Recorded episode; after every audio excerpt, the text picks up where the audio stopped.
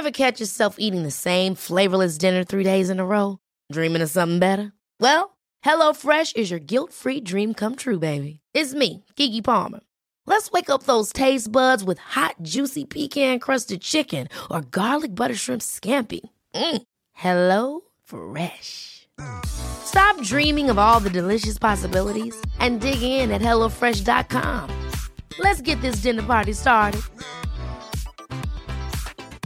Quality sleep is essential. That's why the Sleep Number Smart Bed is designed for your ever evolving sleep needs. Need a bed that's firmer or softer on either side? Helps you sleep at a comfortable temperature? Sleep Number Smart Beds let you individualize your comfort so you sleep better together. JD Power ranks Sleep Number number 1 in customer satisfaction with mattresses purchased in-store. And now, save 50% on the Sleep Number limited edition Smart Bed for a limited time. For JD Power 2023 award information, visit jdpower.com/awards. Only at a Sleep Number store or sleepnumber.com.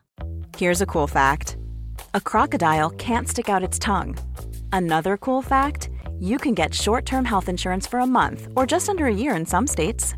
United Healthcare short-term insurance plans are designed for people who are between jobs, coming off their parents' plan, or turning a side hustle into a full-time gig. Underwritten by Golden Rule Insurance Company, they offer flexible, budget friendly coverage with access to a nationwide network of doctors and hospitals. Get more cool facts about United Healthcare short term plans at uh1.com.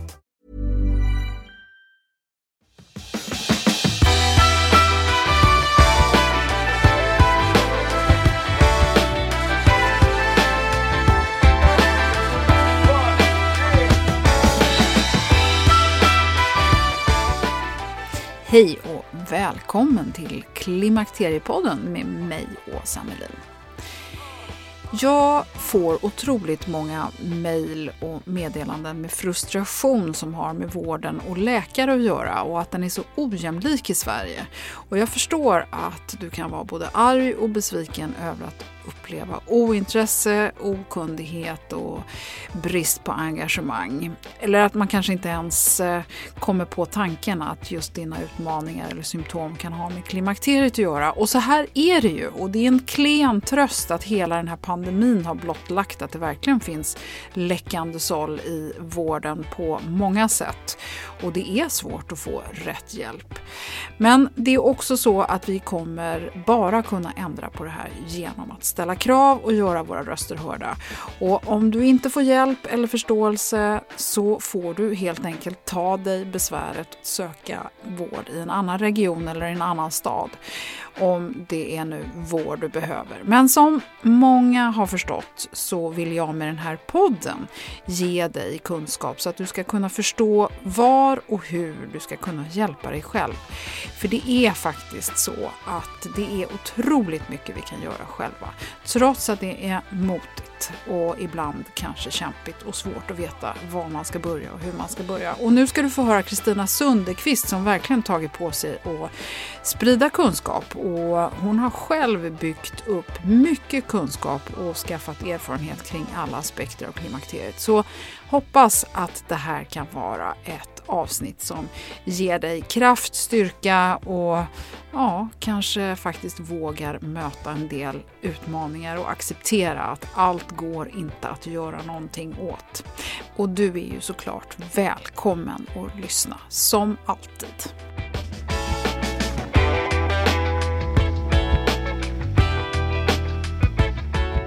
Då, Kristina Sundekvist, vill jag önska dig varmt välkommen till Klimakteriepodden.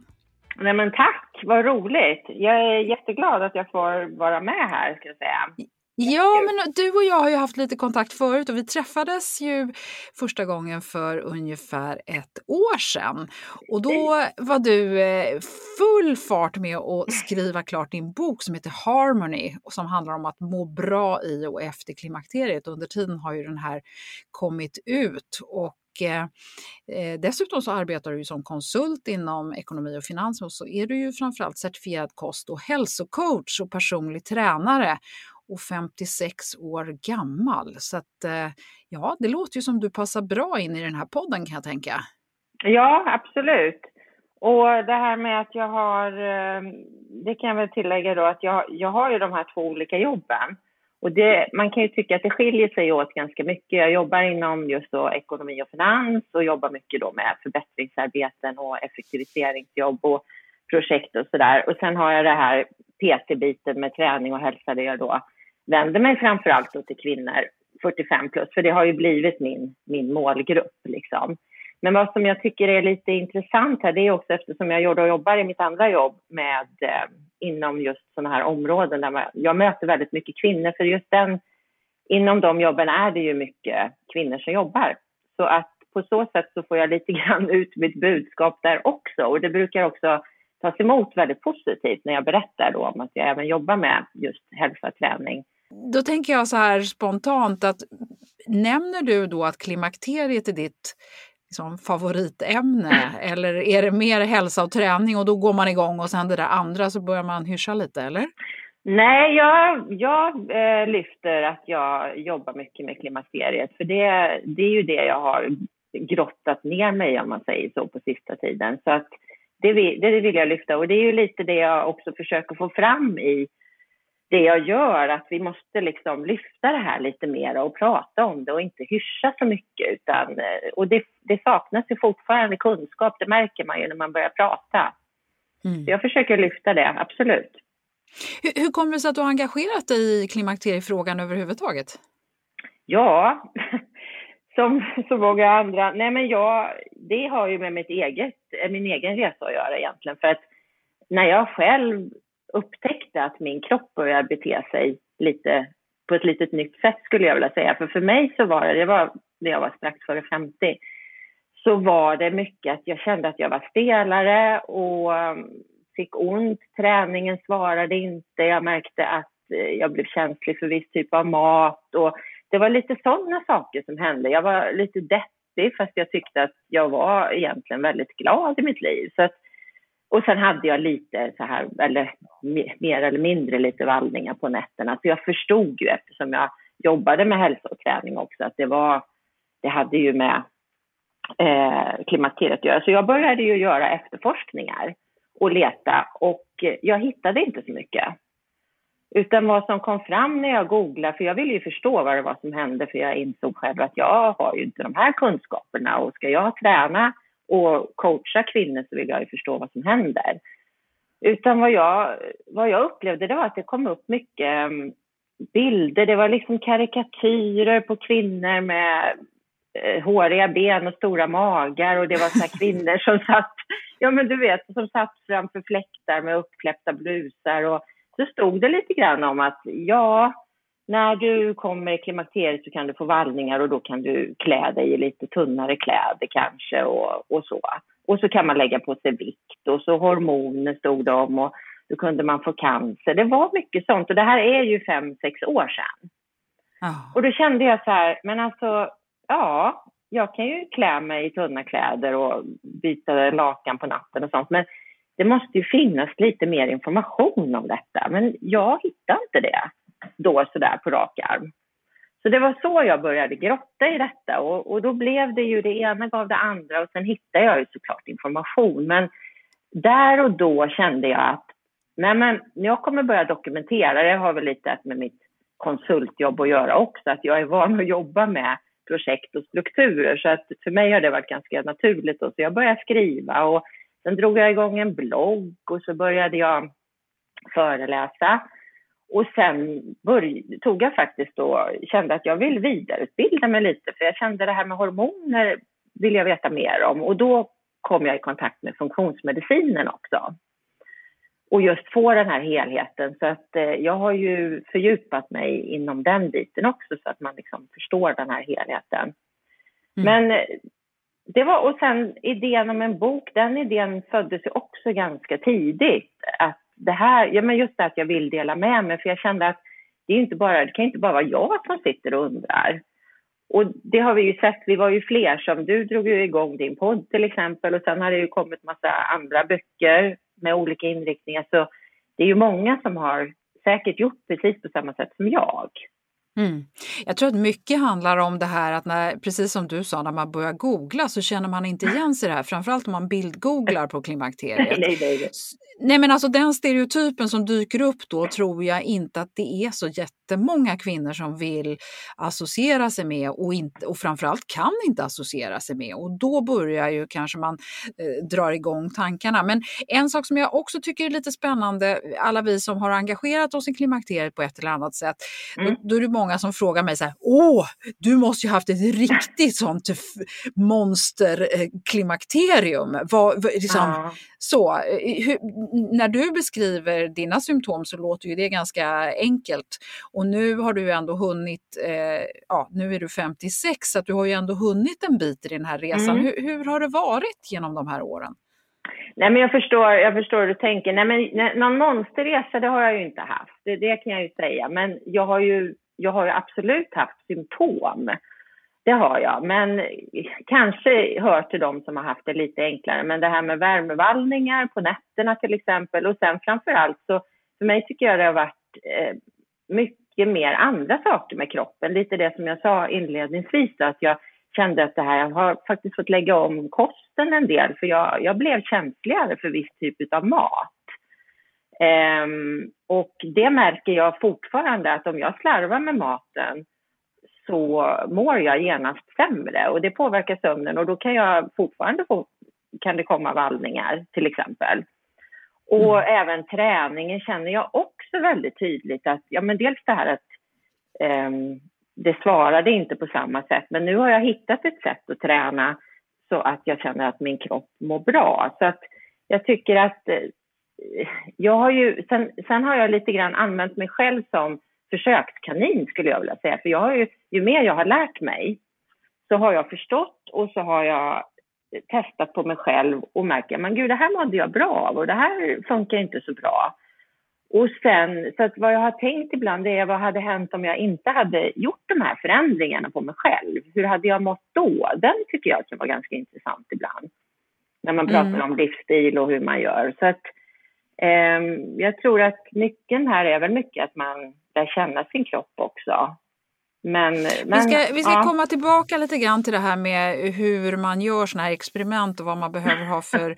Eh, nej men jag tänker mycket handlar ju om det här med att vi vill se resultat och sen så tror jag att många kanske inte är så himla inkännande heller, att man, man har bara kört på, man har inte funderat så mycket, kroppen eh, är där och sen är det inget mer med den. Men först så skulle jag vilja eh, bara gå in på det här med att du talar ju mycket om ålder och mm. Eh, om att åldras och möta sin ålder. Vad menar du med det?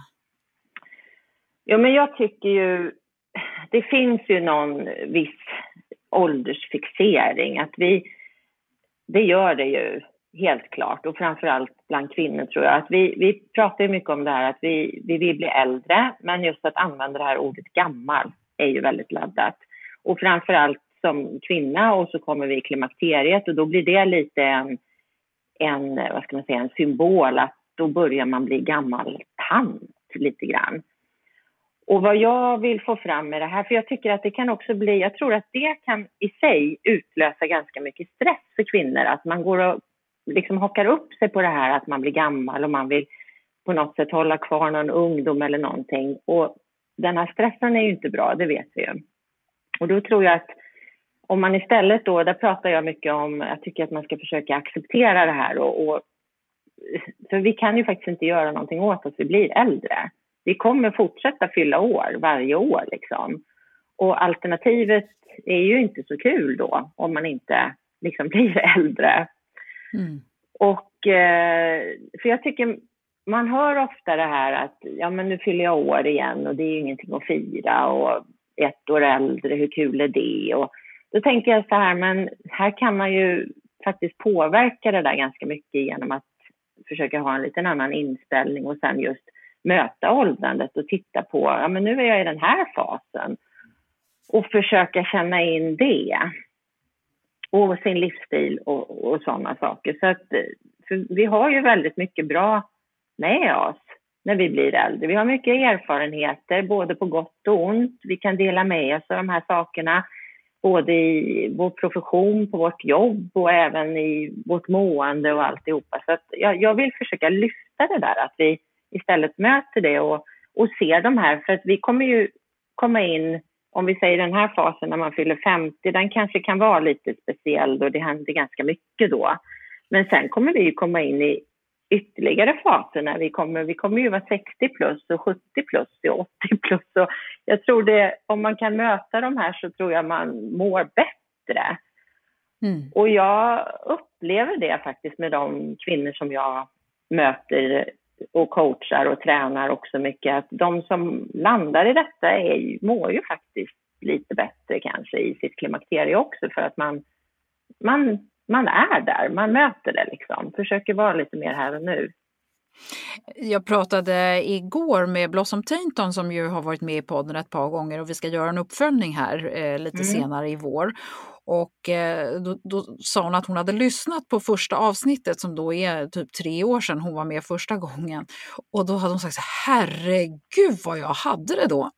Det är svårt att komma ihåg. Alltså när man tittar i backs, backspegeln så är det så lätt att glömma bort hur det var då och hur det är nu. Man är så mm. fixerad vid hur man mår här och nu.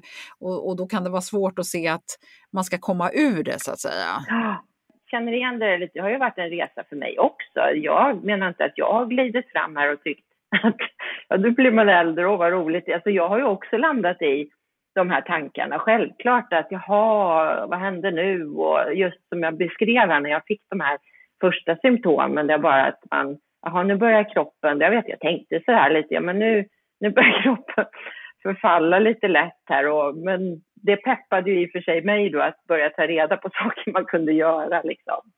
Ja. Att, ähm, ja. Du, hur mycket tror du är slitage och åldrande respektive klimakteriet, det vill säga könshormonernas fel att ungefär 70 procent av alla kvinnor känner av de här symptomen, eh, symptomen i klimakteriet. Då. Du har ju det här helhetsperspektivet och du har, eh, jag menar du, du kommer lite från båda världarna tänker jag. Mm jag har också funderat på det där mycket och eh, det har jag ju verkligen gjort. Jag har ju skrivit om det i min bok också för jag känner att man får inte glömma det här att man faktiskt blir äldre också. Kroppen blir ju äldre. Så, jag, så det är inte bara klimakteriet liksom så, de symptomen. Men så att jag kan tycka att det där, att det där går, det går lite hand i hand eller lite i varandra på något sätt. För att klimakteriet är ju som, alltså det är en fas som vi alla ska igenom, alla kvinnor ska igenom. Och då är, det är ju en del utav, av åldrandet egentligen, om man ser det så, tycker jag. Och sen har vi ju vissa symptom som är väldigt relaterade till hormonerna när vi tittar här på våra vallningar, sömnsvårigheter kanske och sköra slemhinnor till viss del, att vi också får viktförändringar och så här. Och sen har vi symptom som man kanske också kan se som är både och då, åldrande och klimakterier när vi tittar på det här med att vi tappar muskelmassa, benmassa och även där då viktförändringar på grund av att ämnesomsättningen förändras och sådär. Så men jag tycker att eh, i det stora hela så är det ju så att processerna i kroppen åldras ju, men ser man till helheten där och då tänker jag så här att har man från då från början ett bra grundmaterial som jag brukar säga, att man att man tar hand om hälsan och ser över sin livsstil och är medveten om de här sakerna så tror jag att man faktiskt också upp, kan uppleva att när klimakterieprocesserna då sätter igång med eh, hormoner som åker upp och ner och så där, så kanske man då mm, kan möta det lättare genom att man då har en bra grundhälsa. Vi har ju också sett det att genom olika livsstilsförändringar så kan vi ju möta våra klimakteriesymptom. Det finns ju forskning på att träning är bra, viss typ av kost kanske man blir känsligare av. Och då, om man då vänder på det istället och tänker att ja, men man preppar kroppen och har en bra bas så kanske det blir bättre. Så det här är faktiskt något som jag brukar lyfta när jag föreläser också, att man när man har lite yngre kvinnor att prata med, att att man lite grann kan hinta om att det kommer hända lite saker här. Så att tänk på det, att träna här och nu, absolut, och vara här och nu, men att man också har med sig det, att det kan faktiskt hjälpa till ganska mycket sen när man kommer upp i den här åldern. Ja, jag tänker här den här djungeln med information ja. och det är lite mycket så här, man kommer tillbaka till att du måste träna, du måste träna och så där. Men hur kommer man igång med nya vanor på ett enkelt sätt som matchar den här kvinnan som, som redan kanske är eh, lite trött och, och man liksom jäkligt irriterad på alla möjliga saker i livet och sen så är det en stor djungel med information som förvirrar en. Och, jag menar, man behöver ju inte läsa så himla länge på nätet för att, att inse att det finns väldigt mycket olika budskap kors och tvärs och hit och dit. Hur, hur ska man liksom ta till sig rätt information? Hur ska man veta vad som passar mig? Mm. Men det, jag håller med, det är ju verkligen en djungel och det, är ju, det finns information, det är nya dieter och det är nya träningsformer och det är information om klimakteriet så att man blir ju förvirrad. Man kan ju, precis som du säger, man kan ju bli stressad av bara det. Eh, men, och, jag, och då tror jag risken också är att man kan bli ännu mer stressad och förvirrad för att vi är ju faktiskt också ganska ivriga och vill ha lite quick fix. Och då är det också lätt att man hoppar på de här sakerna, testar lite här och testar lite där och sen blir det inget bra överhuvudtaget.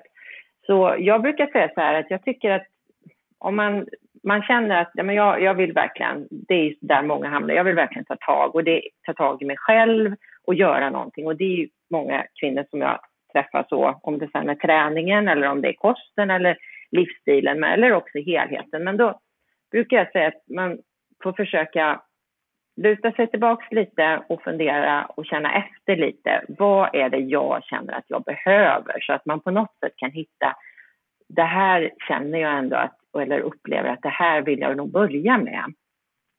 Och då kan det ju vara svårt att hitta det överhuvudtaget, var man ska börja. Och då kan man ju kanske testa att prata med en coach eller om man är några vänner eller om man har någon kompis. Att man, jag tror att det är viktigt att man hittar sin grej och just också att man försöker känna att det är någonting som man verkligen vill själv.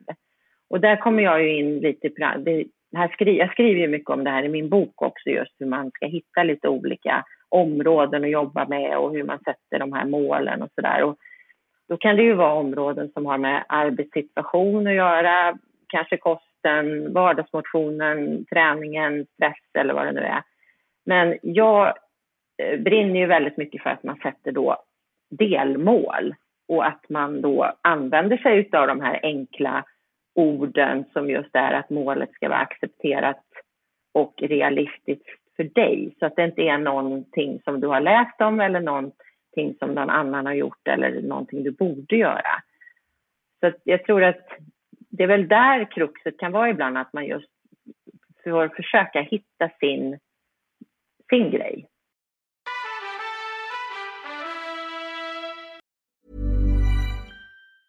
When you're ready to pop the question, the last thing you want to do is second guess the ring. At BlueNile.com you can design a one-of-a-kind ring with the ease and convenience of shopping online. Choose your diamond and setting. When you find the one, you'll get it delivered right to your door. Go to Bluenile.com and use promo code LISTEN to get $50 off your purchase of $500 or more. That's code LISTEN at Bluenile.com for $50 off your purchase. Bluenile.com code LISTEN. Planning for your next trip? Elevate your travel style with Quince. Quince has all the jet setting essentials you'll want for your next getaway, like European linen, premium luggage options, buttery soft Italian leather bags, and so much more and it's all priced at 50 to 80% less than similar brands. Plus, Quince only works with factories that use safe and ethical manufacturing practices. Pack your bags with high-quality essentials you'll be wearing for vacations to come with Quince. Go to quince.com slash trip for free shipping and 365-day returns. Hold up. What was that? Boring. No flavor. That was as bad as those leftovers you ate all week. Kiki Palmer here, and it's time to say hello to something fresh and guilt-free. Hello Fresh. Jazz up dinner with pecan-crusted chicken or garlic butter shrimp scampi. Now that's music to my mouth. Hello Fresh. Let's get this dinner party started. Discover all the delicious possibilities at hellofresh.com. Det är härligt att klimakteriets tabu äntligen är på väg bort. Vill man försöka klara sig utan hormonbehandling så finns nu många nya kosttillskott som lovar bland annat hormonell balans och som ska stötta brister. Jag vill lyfta min räddare i nöden, Femarel. Det har inte bara varit min utan många andra kvinnors räddning i över 20 år. Och med lång tid på marknaden, med nöjda användare, dessutom med 20 forskningsstudier så vågar jag säga att det kan vara en god idé att prova Femarel. Femarel finns på apoteken och i hälsokostbutiker. Tack Femarel som varit min samarbetspartner i många år.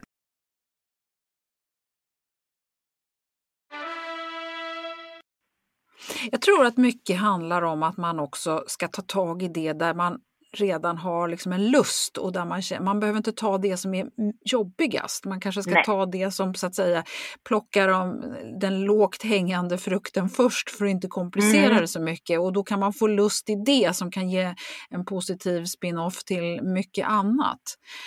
Eh, du, jag tänker så här att många, eh, som man förväntar sig precis det du var inne på, att man vill att det ska vara de här quick fixen och att det, det ska kunna hända något snabbt.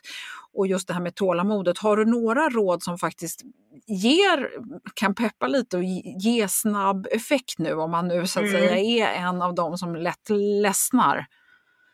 Ja, men först och främst för att återkoppla lite till, till det jag sa sist, att det här med delmål är ju faktiskt någonting som peppar väldigt mycket. För att sätter man då de här delmålen som också ska vara en, lite enkla och realistiska, då får du ju faktiskt, om man, som jag brukar se det, då får du ju liksom en lite längre process med massa små quick fix. För att då har du satt upp ett mål och så når du det kanske på en vecka och så tar du nästa grej och då kan ju det bli väldigt peppande för då ser du ju faktiskt att det händer någonting hela tiden än att du sätter ett sånt här ganska stort abstrakt mål att jag ska bli hälsosam och jag ska börja äta hälsosammare. Det är ju det är ganska svårt att mäta liksom. Men sätter du de här små grejerna och då, då kan man ju ta bara, det är ju lite var man befinner sig själv, men säg, jag vet vi pratar mycket om det här med vardagsmotionen och man ska gå ut och gå och då kan man, tycker jag, skruva till det där lite till genom att lägga till att du får att du tar de här promenaderna när det är dagsljus, så att du laddar din kropp med det. Det tror jag de flesta kommer känna att man mår ganska bra av. Och sen har jag någonting som jag också tror många kvinnor glömmer bort och det är det här att hitta små saker i vardagen som man mår bra av. Och det kan vara, jag brukar prata om att man ska hitta sin må bra-känsla. Och då är det ju, det kan ju bara vara att du går ut i skogen, testar att eh, inte ha massa ljud i öronen kanske, eller att du sätter dig på en stubb och tar det lugnt, hittar någonting som du, just du mår bra av. Liksom. Det, det tror jag kan vara någonting som många kan känna väldigt avstressande. Och jag, tror, jag tror mycket också handlar om att eh, när man inte gör exakt det man har förutsatt sig att göra, att man inte då har dåligt samvete. För det, det är så, så här, om, om man har ett stegmål säger vi, att, att, och så har man inte uppnått det och då så, när man, så sitter man där i soffan och man kan inte ens njuta av att sitta i soffan för man har så mm. dåligt samvete. Förstår du vad jag är inne mm. på? Att jag tror att vi, så, vi, vi gör saker åt fel håll. Istället för att hela tiden berömma oss för att det vi har åstadkommit så, så tittar ja. vi på det vi inte har åstadkommit. Precis, och det, ja, men ja, det är det jag menar lite med det här att sätta upp de här delmålen som ska vara enkla och, för då, och, och liksom se den effekten ändå och inte hålla på med de här stora grejerna. För de kommer ju, om du kommer in i det här lunket med de här små sakerna du gör i vardagen och du kan göra även ja, man ska lägga om kosten eller vad det är, men man kan göra små förändringar i det också. Kanske bara titta på, byta ut någon, någonting när du äter. Kanske äta lite mer protein, testa det och se hur du mår. Eh, så att man inte bara, nu ska jag lägga om kosten och jag ska ta bort allt socker, utan försöka liksom hitta de här små sakerna. Och då mm. blir det ju små, som jag säger, små baby steps hela tiden som jag tror att man då, men det där var inte så dumt. Och så hittar man någon ny grej och så blir man lite peppad och sen så är man igång. Och sen mm. att man inte ska vara för ivrig, det är väl också det här att man då det ska gå fort alltihopa och det ska hända saker. Men ja, tänker man så, då händer det ju faktiskt saker hela tiden. Och då tror jag inte man tröttnar, för jag tror det är det som är risken att man tröttnar sen också, att man går tillbaks till det här. Vi känner ju alla till det här att vi ska hela tiden börja på måndag mm med någonting. Och då har man ju gjort något, då är man inte nöjd med sig själv, man har brutit den här dieten man kanske hade hade dragit igång. Och, så, och då hamnar man ju lätt i det här att då ska allting hela tiden börja på måndag. Och då händer det ju ingenting liksom, till slut. Ja, plus att du hela tiden på något sätt ska börja från början. Ja. Det, ja nej, men det blir, nej, det blir deppigt, jag förstår det. Du, nu när du har lagt all den här tiden på att skriva en bok och du möter kvinnor och du vidareutbildar dig och du utvecklar dig själv och, och allt det här. Vad, vad, vad, när du liksom har tittat på det här och du, du möter mycket kvinnor och du själv har hunnit en, en, en bit in i livet så att säga. Vad tror du det är som egentligen hindrar oss för att vi inte orkar hålla i? Jag menar, för jag tycker också att jag hör eh, att många säger att åh jag mår så himla bra av att ta den där morgonpromenaden, men jag har inte orkat. Nej, eller jag vet att jag mår mycket bättre när jag inte dricker alkohol. Men det är så himla gott med det där glaset vin. Mm. Jag förstår vad jag menar? Att det är så lätt att... Har du någon liten... Har du någon analys? Ja. är det stenåldersmänniskan som spökar i oss eller vad, vad är det för någonting? Men jag tror att det där kan vara lite att då har man ju satt de här, då, då, vad ska man säga, då har man ju satt de här lite större målen tror jag. Att du ska, jag tror att det kan vara att du sätter upp de här att nu ska jag förändra allting, jag ska göra om det här och jag ska göra si och jag ska göra så.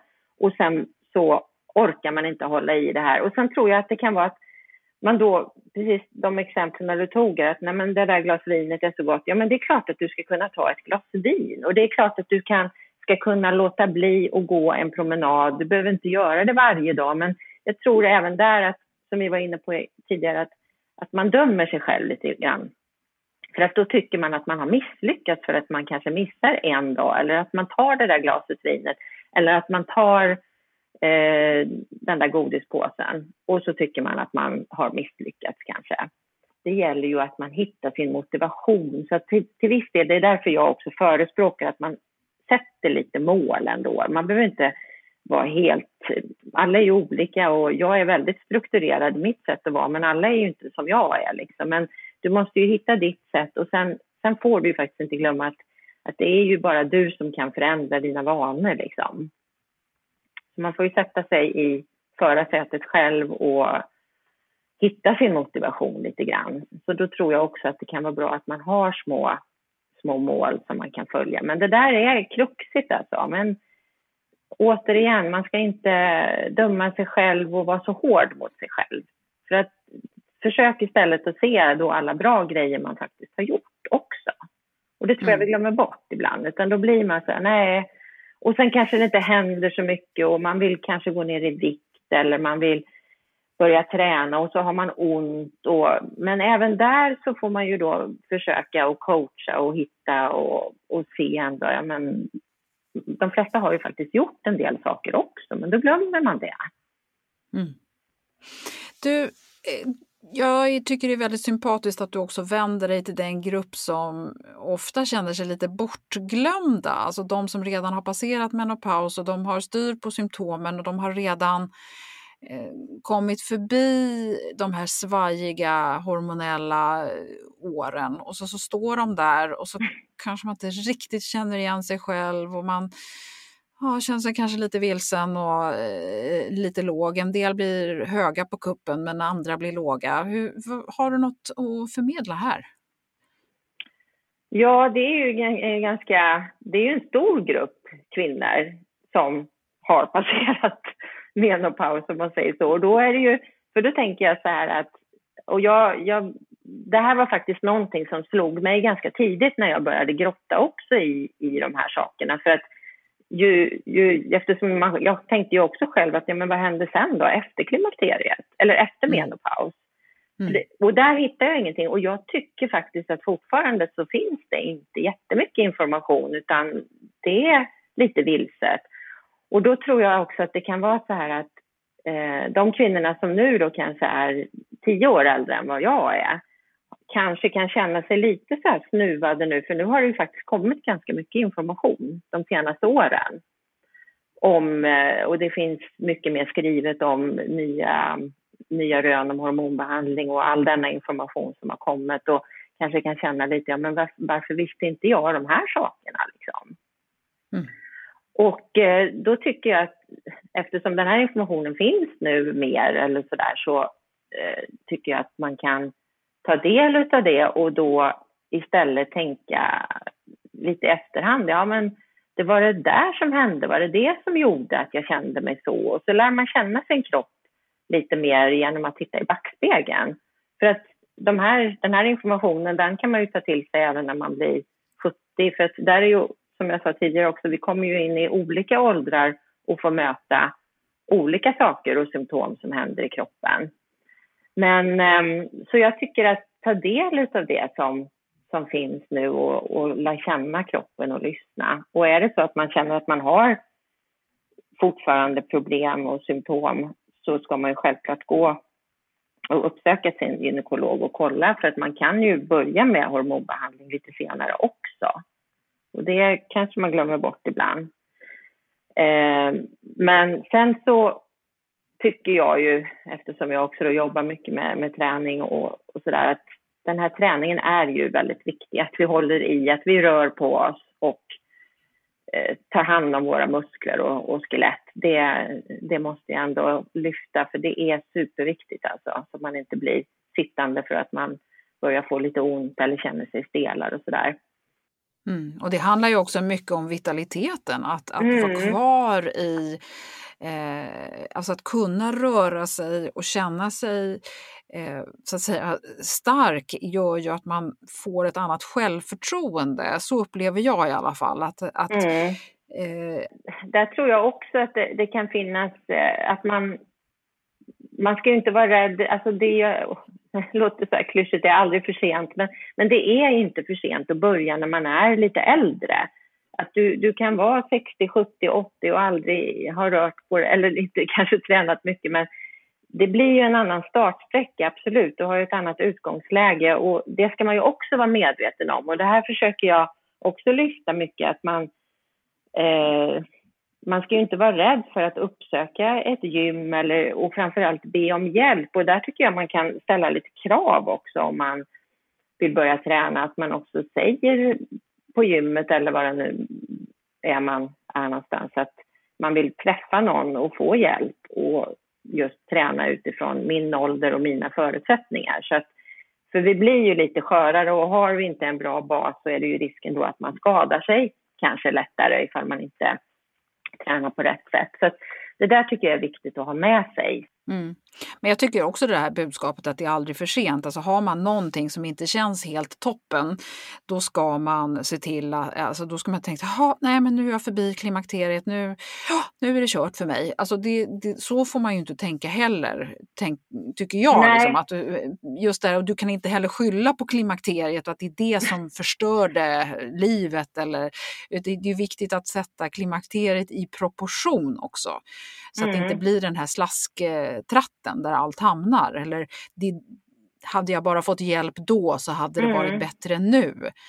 Eh, förstår du vad jag menar? Ja, och det tror jag, en del kan nog hamna där lite grann. Och det är lite det när vi pratade här i början också om det här med ålder, som jag var inne på, det här att du ska möta din ålder. Det är ju lite samma sak med det här tycker jag, att vi ska göra det. Och och vara lite nyfiken också. Eh, en sak som, som eh, vi pratade lite grann om inför den här intervjun, det var att du ville eh, också lyfta det här med att vi fortfarande behöver prata mer och avdramatisera klimakteriet. Det pratade vi lite grann om här i början, om varför du har engagerat och så vidare. Men vad, vad, vad finns det mer? Varför då? Och vad är det som gör att det går lite trögt hela det här?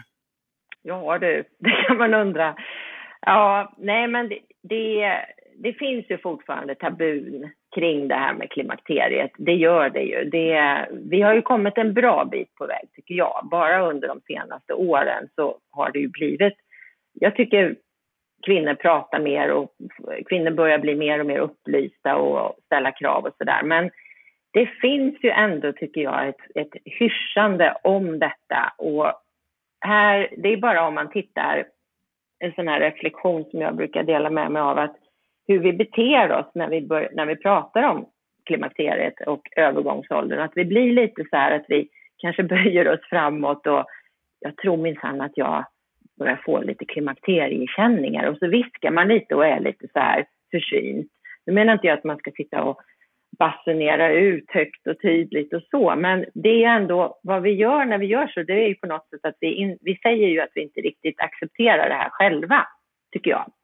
Mm. Och där tycker jag vi kvinnor faktiskt kan göra mycket själva genom att prata mer så att det också blir, jag skulle ju vilja att, det, att, det, att kunskapen kunde komma ut så att det blir det här med att det är ju faktiskt en helt naturlig fas som vi går igenom, precis som puberteten till exempel. Så att det är ju inget konstigt, men på något sätt har det ju blivit det. Och, då, och det är det jag menar att jag tycker att vi måste lyfta det här mer. Och ja, det går trögt, men det går ju framåt i alla fall. Men där, där kan vi ju göra mycket, vi kvinnor själva. Och här har jag ju också reflekterat över detta eftersom jag då också jobbar ute i näringslivet en del och möter kvinnor att, att, eh, och är på arbetsplatser. Att jag skulle ju också vilja att det här kom ut mer på arbetsplatser, den här informationen. att Vad är klimakteriet? Det handlar ju inte bara om vallningar och att man är en sur klimakterietant, liksom, som ibland man kan få lite den stämpeln att det är det det handlar om. Och att det, att det kommer ut i ledningsgrupper, att din närmaste chefer ändå har en medvetenhet om de här sakerna. Vad det är som, vad, vad det är som händer. Och det skulle också göra, tror jag, att att kvinnan på arbetsplatsen då, som då kanske har mycket problem med svettningar och vallningar och humör att, och sitter då och håller inne med detta och blir självklart stressad över det också. Om man hade en mer, prata mer naturligt om det och hade en inställning till det så skulle även det underlätta tror jag.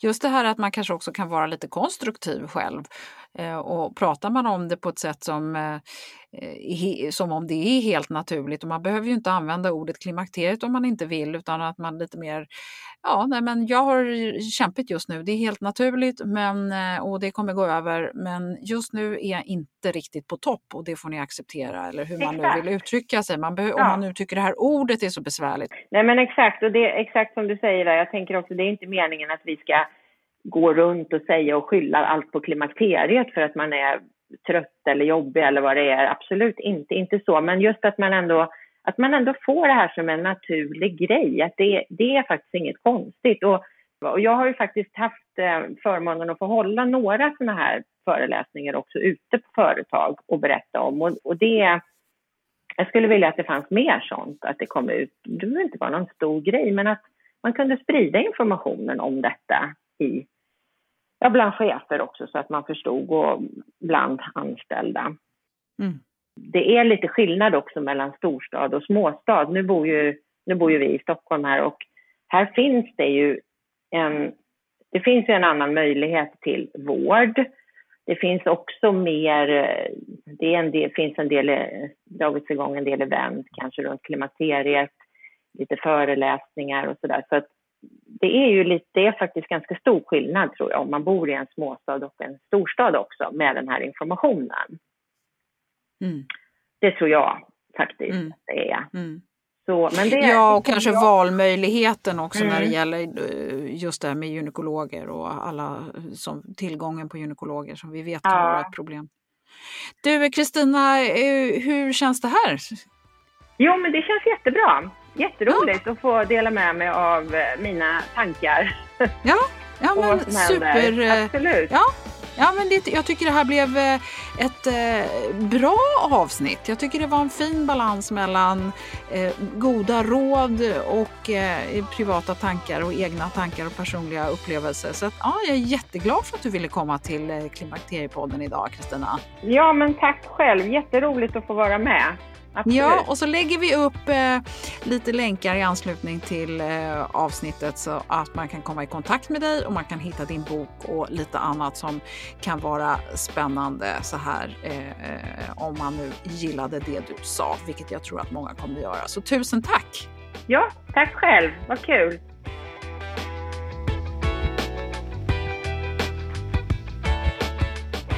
Utlovade länkar finns på Klimakteriepoddens hemsida och Facebook-sida och där kan du också komma i kontakt med Kristina. Och på Instagram och Facebook och hemsidan Ja, där hittar du som vanligt information om alla tidigare avsnitt som kan vara intressanta. Använd gärna sökfunktionen på klimakteriepodden.se. I nästa avsnitt så ska jag tala med professor Kerstin Brismar som arbetat med hälsa på många plan i många år. Hon började som gynekolog en gång i tiden och har fortsatt arbeta med diabetes, hjärt-kärlsjukdomar och livsstilsfrågor. Så det här kommer bli superintressant att få hennes tankar på hur vi kvinnor kan uppnå välmående och leva väl. Missa inte det! Tack för att du har lyssnat och välkommen snart igen.